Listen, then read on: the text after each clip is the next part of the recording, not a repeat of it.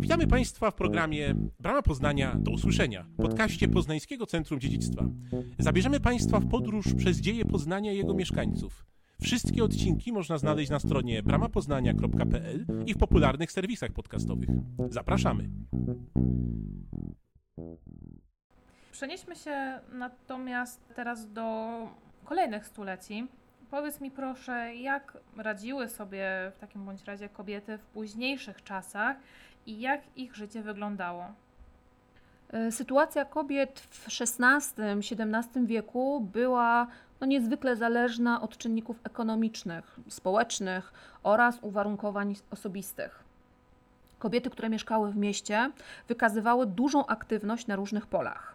Oprócz standardowych obowiązków, do których no, niewątpliwie należało dbanie o gospodarstwo domowe i rodzinę, mm, angażowały się w inne aspekty życia. Realizowały się przede wszystkim w handlu i usługach, ale też w sferze dobroczynności oraz, co wydało mi się bardzo, bardzo ciekawe, rzemiośle. O proszę, znowu mnie zaskoczyłaś. Skąd o tym wiemy? No, naszą wiedzę czerpiemy głównie ze źródeł prywatnych, takich jak na przykład testamenty, epitafia, kroniki.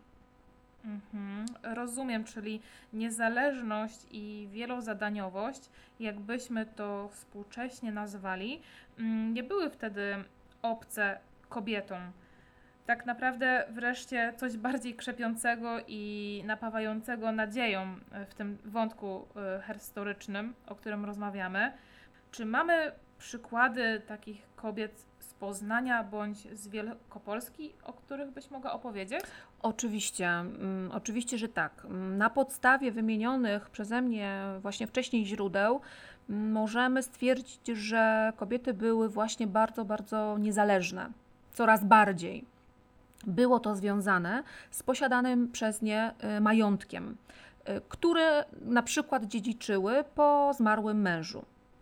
Y, najczęściej mm, wdowy handlowały, prowadziły drukarnie, księgarnie bądź warsztaty rzemieślnicze, także no tutaj bardzo duże pole do działania. Niektóre z nich zajmowały się także handlem zagranicznym. Na przykład w Poznaniu była to chociażby Barbara Ungerowa. Należy pamiętać, że kobiety były też właścicielkami nieruchomości. Tutaj także kolejna taka odnoga e, ich działań, które wprawdzie e, no, zazwyczaj dziedziczy, dziedziczyły po zmarłym ojcu bądź mężu, ale też bywało, rzadkością, ale bywało, że kupowały taką nieruchomość całkiem same.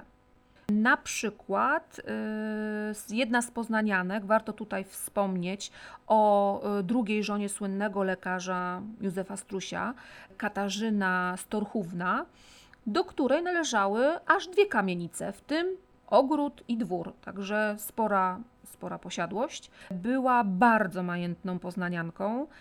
Majętnych niewiast stolicy Wielkopolski było zdecydowanie więcej. I tutaj na myśl przychodzi mi chociażby też Barbara Kania. Cieszyła się bardzo niezależną pozycją z uwagi na spory majątek, który odziedziczyła po no, też zmarłym mężu, wieloletnim burmistrzu Poznania. Jest uważana za jedną z najbogatszych mieszkanek Poznania. Jej pozycja finansowa umożliwiła jej mm, zapewne podróż do Rzymu, co było dość sporym ewenementem, e, biorąc pod uwagę niebezpieczeństwa, jakie w tamtych czasach jesteśmy w roku 1500, y, no, niosły ze sobą podróże i to do tego zagraniczne. Wyprawie towarzyszyła jej, i tutaj kolejna ciekawostka, jedynie krawcowa Agnieszka. Po powrocie ufundowała ołtarz w kolegiacie świętej Marii Magdaleny tylko najbogatsi poznaniacy, stąd też właśnie dowód na jej y, status y, było właśnie to, że mogła sobie pozwolić na finansowanie takiego celu.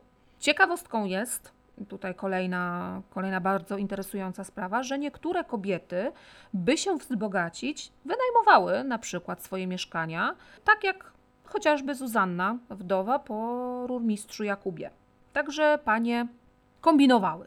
Oczywiście nie tylko wdowy były zaangażowane w działalność gospodarczą, często też żony wspólnie z mężami prowadziły działalność gospodarczą, na przykład prowadziły stragan, były zaangażowane w handel, odgrywały ważną rolę w sprzedaży wyrobów pochodzących z różnych warsztatów. Mm, prowadzona była też sprzedaż bezpośrednio po domach.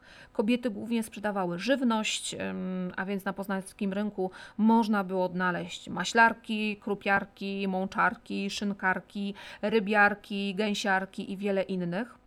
W Poznaniu kobiety przejęły w pewnych okresach handel masłem i mąką.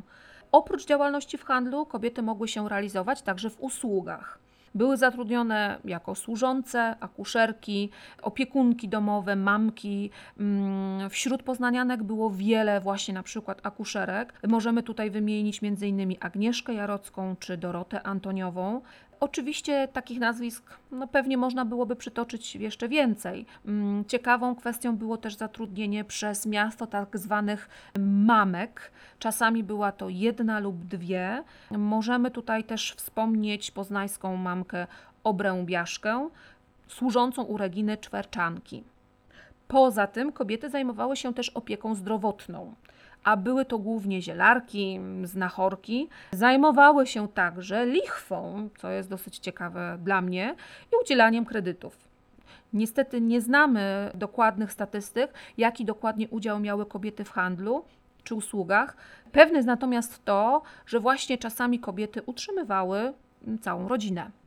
No to już coś wiemy o poznaniankach, jeśli chodzi o ich życie, nazwijmy to zawodowe czy biznesowe miały smykałkę do interesów i pomnażania majątku mm, z mężczyznami bądź bez nich możemy po prostu powiedzieć, że nasze przodkinie były bardzo przedsiębiorcze.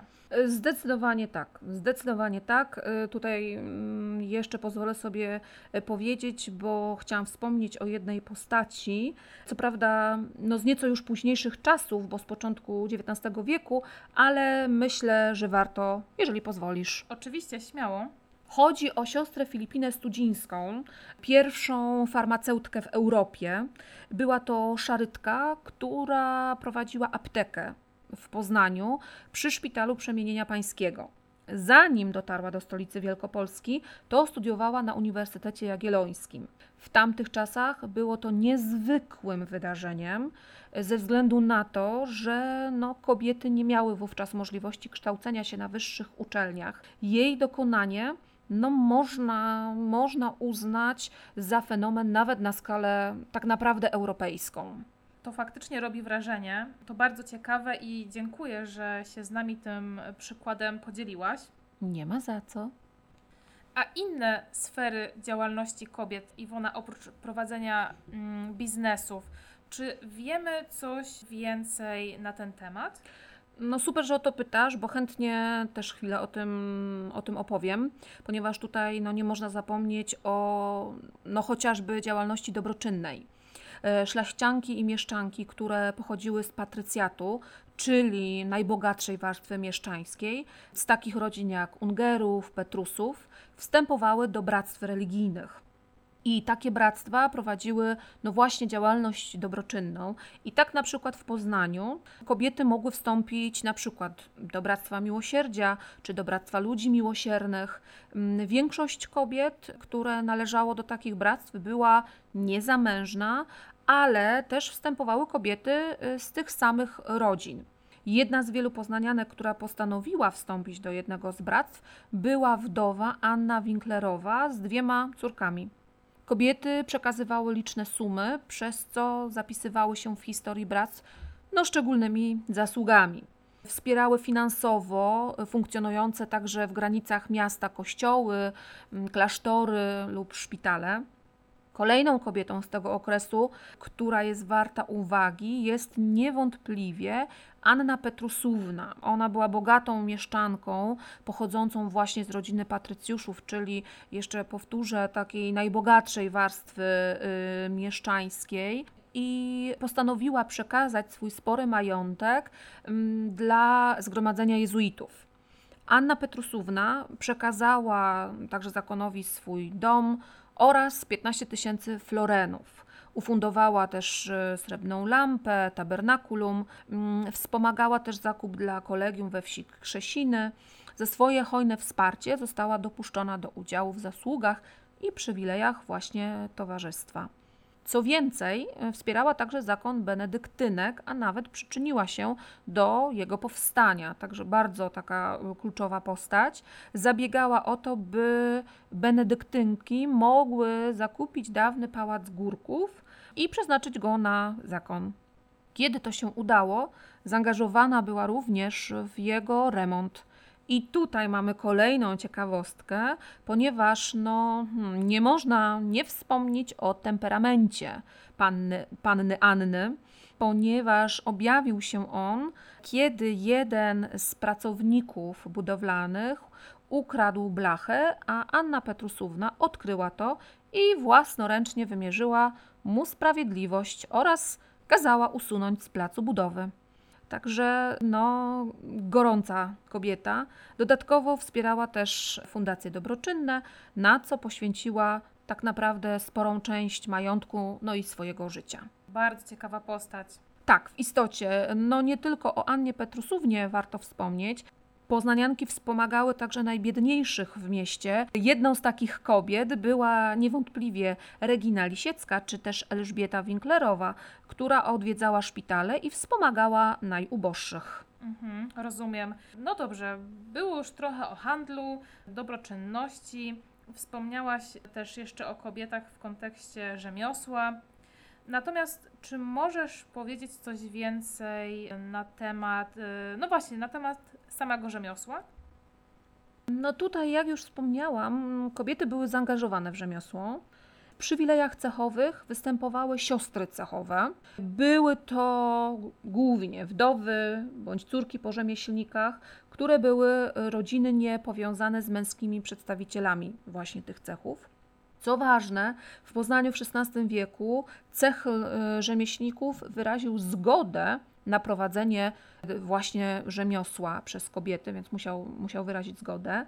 Kobiety, no oczywiście będąc w cechach, musiały opłacać składki, ale e, no, też niestety no, miały pewne ograniczenia ponieważ na przykład no, nie mogły obejmować urzędów cechowych, zatrudniać dowolnej ilości czeladników czy kształcić uczniów, także no, mamy tutaj ponownie do czynienia z ograniczeniami, jeżeli chodzi o kobiety. Mm, statuty cechowe określały, na jakich zasadach wdowy mogły zatrudniać nowych czeladników. Warto też zaznaczyć, w jakich branżach kobiety prowadziły taką działalność najczęściej. No głównie była to tekstylno-odzieżowa, a więc hawciarki, krawcowe.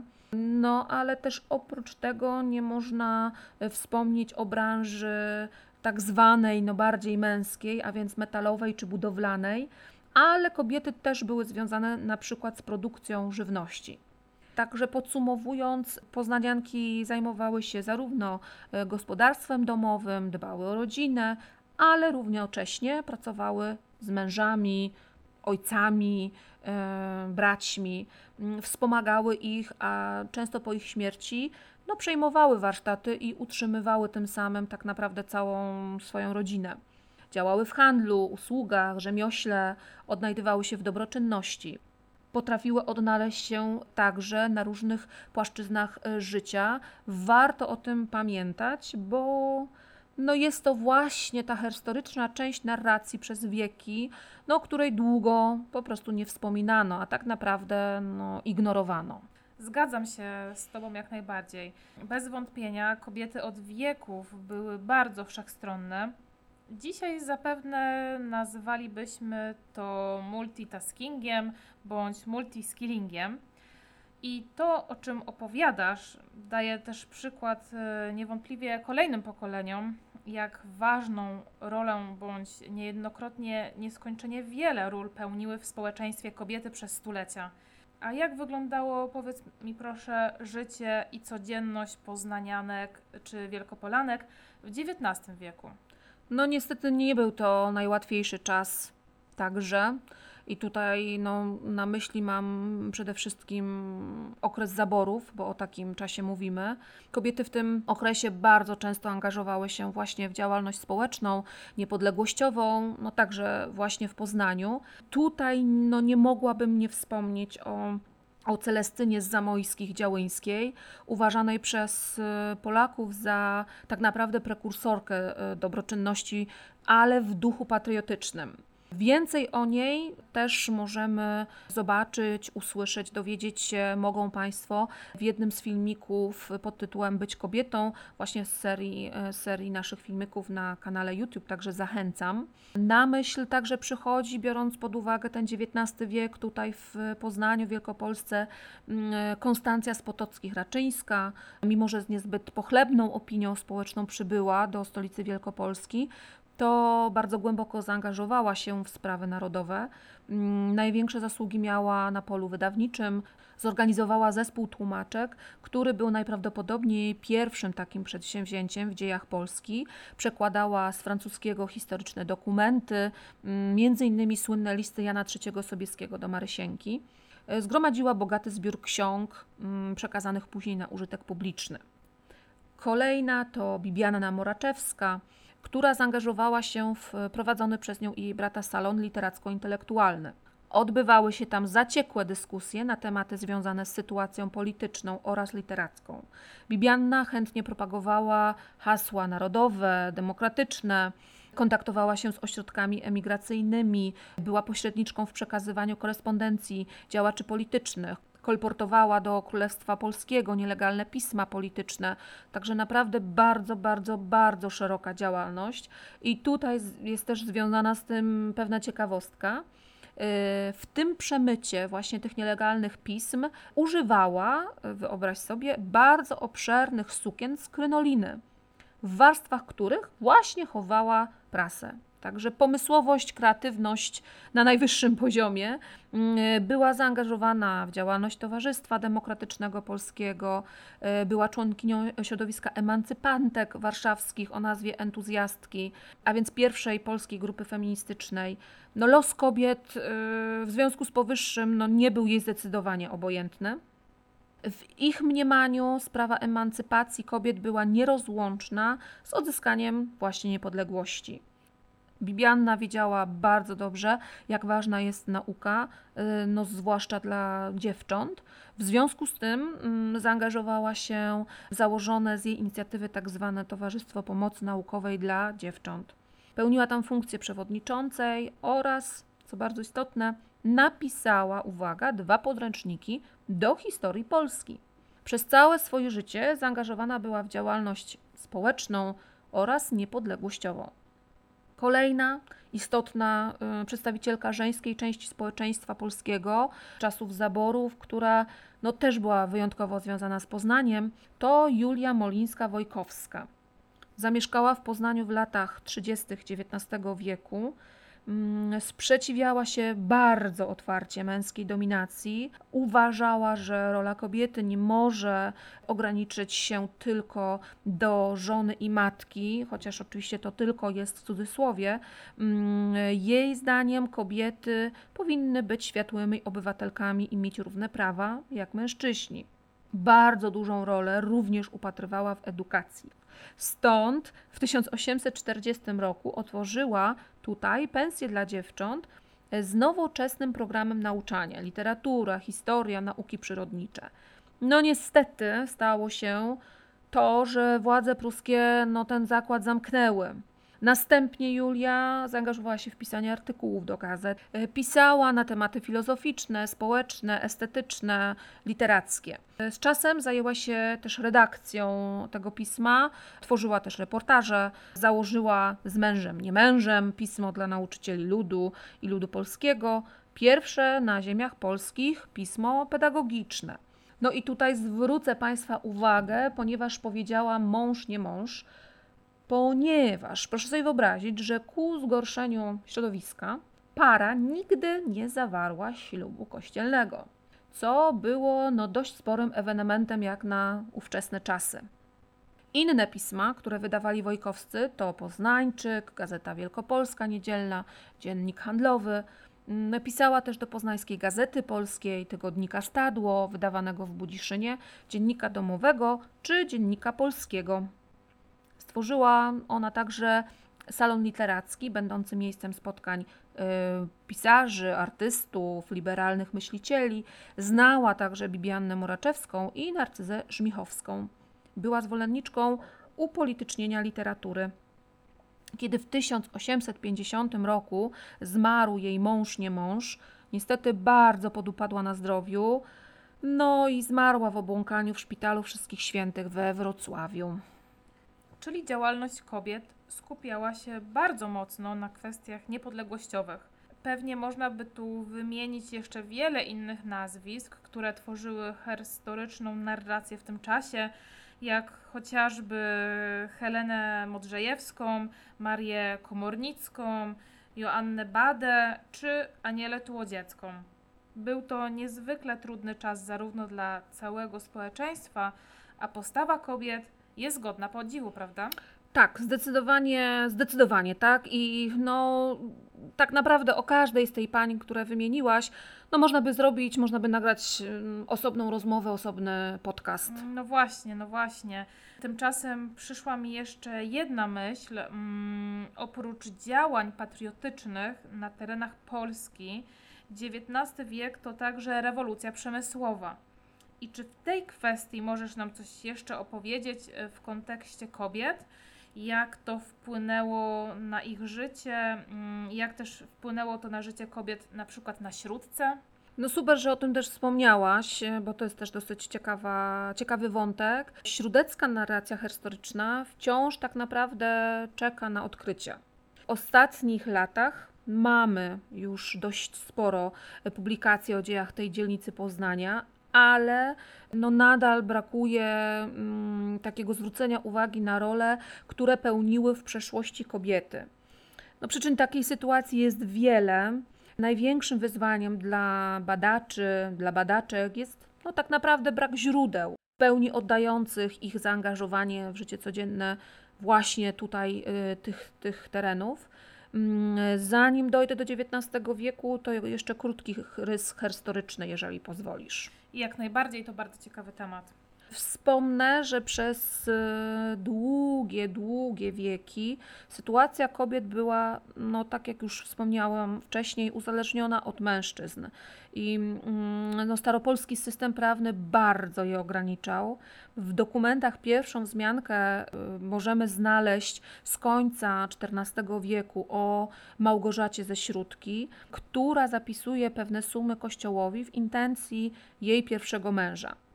No i tutaj no, muszę wspomnieć o tym, że tak naprawdę jest mowa o niej tylko dlatego, no, że małżeństwo traktowane było przez wiele, wiele wieków jako właśnie transakcja handlowa, w którą kobieta wnosiła posag i przechodziła spod opieki ojca do męża.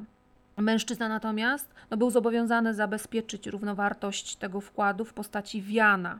No stąd właśnie informacja w papierach, że czynności majątkowe odbywały się za wspólną zgodą małżonków, no i ta kobieta po prostu figurowała jako taka postać, postać prawna, można, można to w ten sposób nazwać. Mm, no nie ma także wątpliwości, o czym też mówiłyśmy wcześniej, że y, kobiety miały swój udział w prowadzeniu warsztatów rzemieślniczych mężów i ojców, także tutaj na śródce. Wracając natomiast do, do, natomiast do Twojego pytania, to zmiana sytuacji kobiet nastąpiła właśnie, właśnie przez wspomnianą przez Ciebie y, rewolucję przemysłową, która dotarła tutaj na, na, na śródkę na przełomie XIX i XX wieku w powstających zakładach produkcyjnych, takich jak niemiecka fabryka obróbki drzewa i stolarni, czy fabryka czekolady i kakao Goplana, albo mm, chociażby późniejszych zakładach Nivea, no znalazło zatrudnienie wiele, wiele kobiet. Na Śródce Bractwo Kwestarskie założyło w 1897 roku żłobek świętej Małgorzaty. Powstały ochronki dla dzieci polskich i niemieckich w wieku tak około 3 do 6, a także sala zajęć przy ulicy Cybińskiej, dokładnie ulica Cybińska 5. Co bardzo ciekawe, co zwróciło moją uwagę, y, to fakt, że dość szybko zauważono tutaj potrzebę stworzenia ośrodków opieki dla starszych kobiet. W tym celu powołano w 1903 roku Dom Świętego Kazimierza. W zakładzie mogło przebywać jednocześnie 28 kobiet powyżej 60 roku życia. No bardzo jest to dla mnie ciekawa in inicjatywa. Mm, za utrzymanie i opiekę medyczną kobiety płaciły około 12 marek miesięcznie. O proszę, czyli miejsce takie jak domy senioralne nie są pomysłem naszych czasów? No, zdecydowanie nie. Zdecydowanie nie. Idąc dalej, to schyłek XIX wieku i początek XX pozwolił kobietom aktywnie uczestniczyć w życiu codziennym śródeckiej enklawy.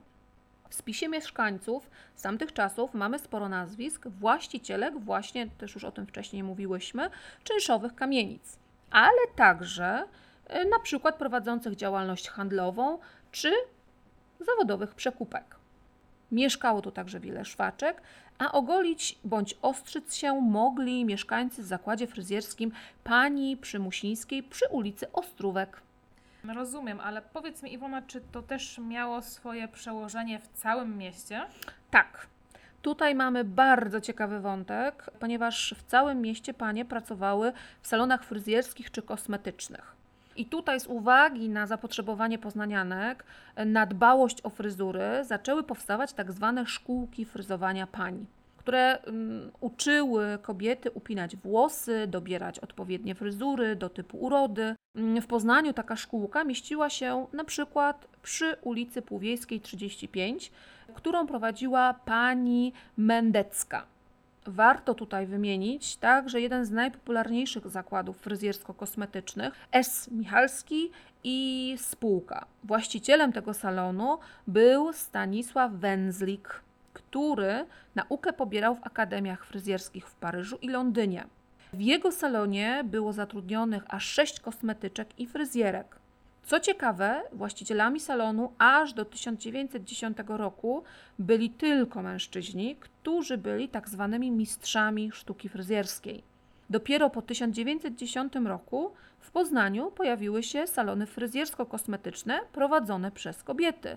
No, czyli też stosunkowo no, relatywnie nowa, e, nowa sytuacja w dziejach e, naszego kraju, naszego regionu, tutaj naszego miasta posiadały te kobiety tytuł mistrza, dzisiaj bym powiedziała mistrzyni e, sztuki fryzjerskiej. E, Jadwiga Jankowska założyła pierwszy taki salon, była bardzo dobrze wykształconą akademicznie fryzjerką. Jej salon znajdował się przy ulicy Teatralnej 6. Co ciekawe, obok salonu fryzjerskiego swojego męża. Salon Jadwigi Jankowskiej był przeznaczony wyłącznie dla pań z oddzielnym wejściem, co też jest bardzo ciekawe. Warto podkreślić świetne wykształcenie właścicielki, ponieważ uzyskała je w Paryżu i uzyskała tam dyplom tak zwany wszechświatowy, który miała okazję zdobyć w konkursie damskich fryzur. W Poznaniu były też inne salony prowadzone przez kobiety. Na przykład w 1913 roku został założony przy ulicy Wilhelmowskiej 11, obecnie są to Aleje Karola e, Marcinkowskiego, przez Gabrielę Czajkowską salon piękności i higieny The Beauty at Hygiene.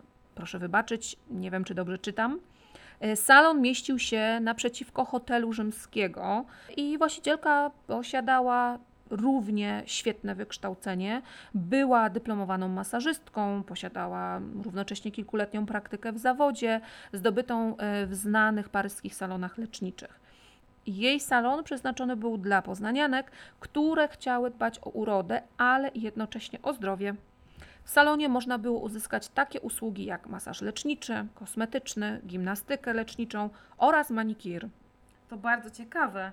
Nasuwa mi się tutaj refleksja, że również salony spa czy masażu, tak popularne obecnie, nie są czymś nowym bądź odkrywczym. Nie, zdecydowanie nie. Czerpiemy tak naprawdę z doświadczeń naszych przodkiń pełnymi garściami. Tym samym dotarłyśmy do XX wieku. Pierwsze dwudziestolecie jest dla naszego kraju bardzo trudnym czasem. Czy przybliżysz nam jeszcze jakieś postacie kobiece z tamtego okresu? Oczywiście, nawet za bardzo nie wiem od kogo zacząć. Myślę tutaj na przykład o Marii Wichierkiewiczowej. Pochodziła z poznańskiej inteligenckiej rodziny, do której należeli lekarze, architekci, adwokaci. Mimo braku możliwości kształcenia wyższego, zaistniała jako literatka, rozpowszechniała także historię naszego miasta, była malarką. Wnikliwie studiowała dzieje Poznania, a wśród jej prac znajdowały się często pionierskie opracowania dotyczące przeszłości stolicy Wielkopolski. Także bardzo zasłużyła się w dziejach właśnie naszego miasta. W pewnym momencie tak naprawdę była najbardziej znaną poznańską pisarką. W kamienicy przy ulicy Święty Marcin 11 prowadziła salon towarzyski, w którym spotykały się polskie elity y, miasta. Kolejną taką wartą uwagi, zresztą każda z tych pań jest taką wartą uwagi, jest Ludwika Dobrzyńska-Rybicka, która była jedną z najlepiej wykształconych osób w Poznaniu. W 1909 roku obroniła doktorat z filozofii, także ewenement tak naprawdę. Ze względu na brak y, uczelni wyższej w mieście związała się z PTPN, y, przyczyniła się do powstania także Uniwersytetu Poznańskiego. I tutaj pozwolę się wtrącić, ponieważ w naszej galerii Śluza od 27 listopada mm, można oglądać wystawę czasową naukowczynie e, opowiadającą właśnie o pierwszych kobietach mm, związanych z uczelnią wyższą w Poznaniu. I sama wystawa przybliża realia, z jakimi musiały mierzyć się kobiety marzące tak naprawdę o karierze naukowej 100 lat temu. Bardzo Państwa zachęcamy do odwiedzin. Wystawa jest y, bezpłatna i dostępna do 8 marca. Wejście do Galerii Śluza jest od strony ulicy Dziekańskiej, bądź y, również y, przez główne wejście Bramy Poznania. I do tej wystawy i tematyki zaplanowany jest również osobny podcast bądź filmik, więc prosimy Państwa, by śledzili nasze poczynania w tej materii. W istocie tutaj pełna zgoda, również polecam. No nie mogę się też doczekać kolejnych tego typu historycznych wątków tak naprawdę. Mówiąc jeszcze o początkach XX wieku, mm, to przychodzi mi na myśl wspomniana już wcześniej Zofia Sokolnicka, czy też na przykład Róża Luksemburg, która odwiedzała Poznań i mieszkała na Jeżycach. Była to też jedna z najbardziej znanych Polek na świecie, a zarazem najważniejszych polityczek XX wieku. Zapewne tych kobiet byłoby jeszcze więcej, Iwona, ale nie jesteśmy w stanie przybliżyć wszystkich tych postaci. No dokładnie, dokładnie y, tak. Y, bardzo chętnie bym porozmawiała jeszcze o wielu kobietach, ale niestety, no może, może innym razem. No właśnie, ale co dalej, idąc dalej śladami herstorii?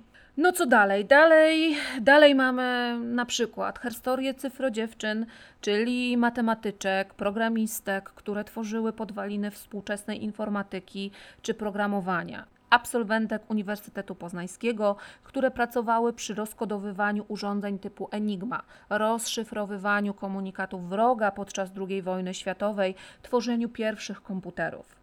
Dalej, no co dalej? Dalej mamy również także takie postaci jak chociażby dr Wanda Błeńska, lekarka, misjonarka, mm, światowej sławy specjalistka w dziedzinie leczenia trądu, mm, całe życie związana z Poznaniem. Na myśl przychodzi również profesor Zofia Kurnatowska, czyli archeolożka, badaczka średniowiecza i początków państwa, y, państwa polskiego.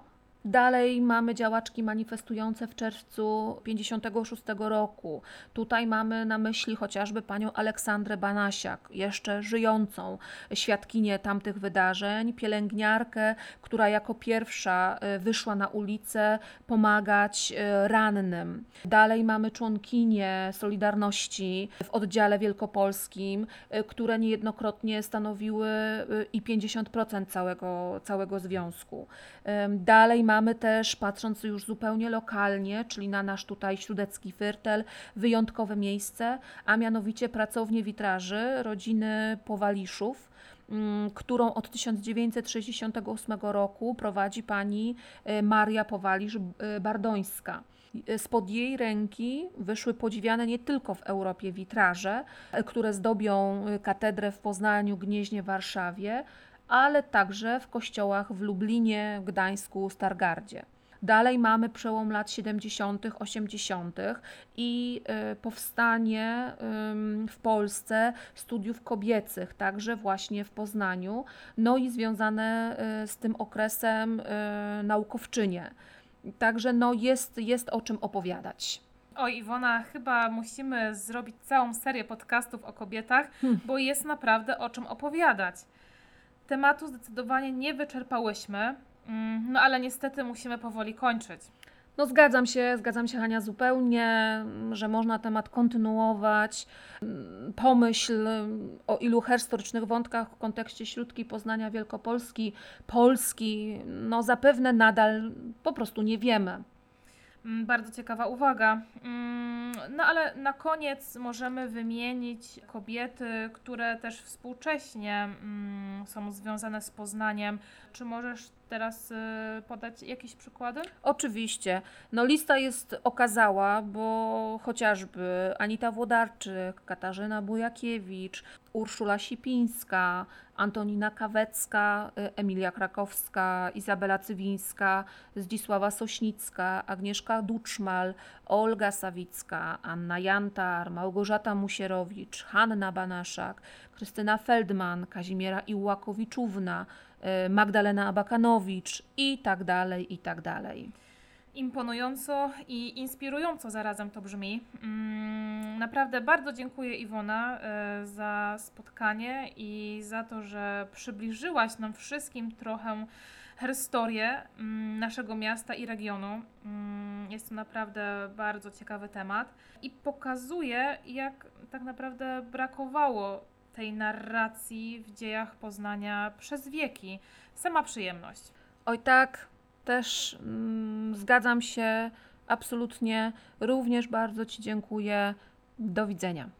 Żegnamy się z Państwem, mm, Hanna Brzeska i Iwona Pluta i zachęcamy do słuchania naszych podcastów z serii Brama Poznania do usłyszenia oraz oglądania filmików z serii Ostróg Tumski pod lupą na YouTubie.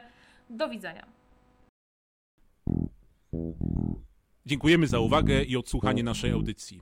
Przypominamy, że wszystkie odcinki można znaleźć na stronie bramapoznania.pl i w popularnych serwisach podcastowych. Zapraszamy także do obejrzenia naszych filmów dostępnych na kanale Bramy Poznania w serwisie YouTube. Brama Poznania, do usłyszenia. Do usłyszenia. Do usłyszenia.